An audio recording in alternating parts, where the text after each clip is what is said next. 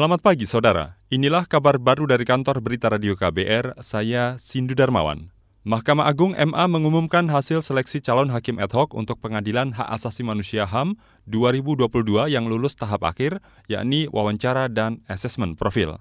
Ada delapan hakim ad hoc yang lolos, empat di antaranya hakim ad hoc pengadilan HAM tingkat pertama, yakni Siti Nurlaila, Robert Pasaribu, Sofi Rahmadewi, dan Anselmus Aldrin Rangga Masiku. Kemudian empat lainnya ialah hakim ad hoc pengadilan HAM tingkat tinggi, yakni Feni Cahyani, Muhammad Mahin, Florentina Switi Andari, dan Hendrik Dengah. Dalam rilis pengumuman yang dikutip KBR dari situs resmi MA Senin kemarin, peserta yang lulus diwajibkan mengikuti pendidikan dan pelatihan yang diselenggarakan Badan Litbang dan diklat Kumdil Mahkamah Agung. Para hakim ad hoc yang terpilih nantinya tidak hanya menangani perkara paniai saja, namun juga kasus pelanggaran HAM berat lainnya. Sidang kasus pelanggaran HAM Paniai Papua rencananya digelar MA di Pengadilan Negeri Makassar, Sulawesi Selatan, Agustus mendatang.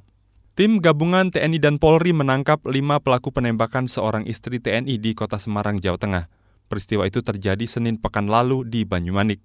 Kapolda Jawa Tengah Ahmad Lutfi menyebut dalang dari penembakan tersebut adalah suami korban, yakni Kobda Muslimin yang bertugas di Yonar Hanud kita ungkap kasus tindak pidana percobaan pembunuhan berencana sebagaimana dimaksud pasal 340 Junto 53 KUHP dengan ancaman hukuman mati atau penjara seumur hidup atau paling lama 20 tahun. Perlu adanya quick respon penanganannya karena menyangkut keluarga besar Persit. Oleh karena itu, kita telah bentuk tim gabungan antara Polda Jawa Tengah dan Kodam Pati Penegoro. Kita berhasil amankan lima orang tersangka. Lutfi menjelaskan, kelima orang tersangka merupakan suruhan suami korban Kobda Muslimin. Mereka diminta membunuh Rina dengan bayaran uang 120 juta rupiah. Kini korban dalam proses perawatan di RS Karyadi. Para tersangka terancam dijatuhi hukuman penjara seumur hidup.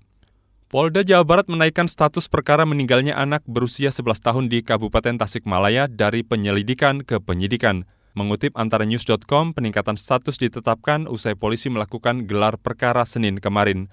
Dari gelar perkara ditemukan adanya perundungan yang dialami korban. Selain itu, polisi juga telah menangkap tiga orang terduga pelaku.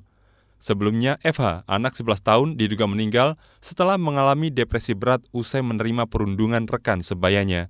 Kasus yang terjadi di Tasikmalaya ini viral di media sosial dan ditanggapi sejumlah pihak, termasuk Presiden Joko Widodo.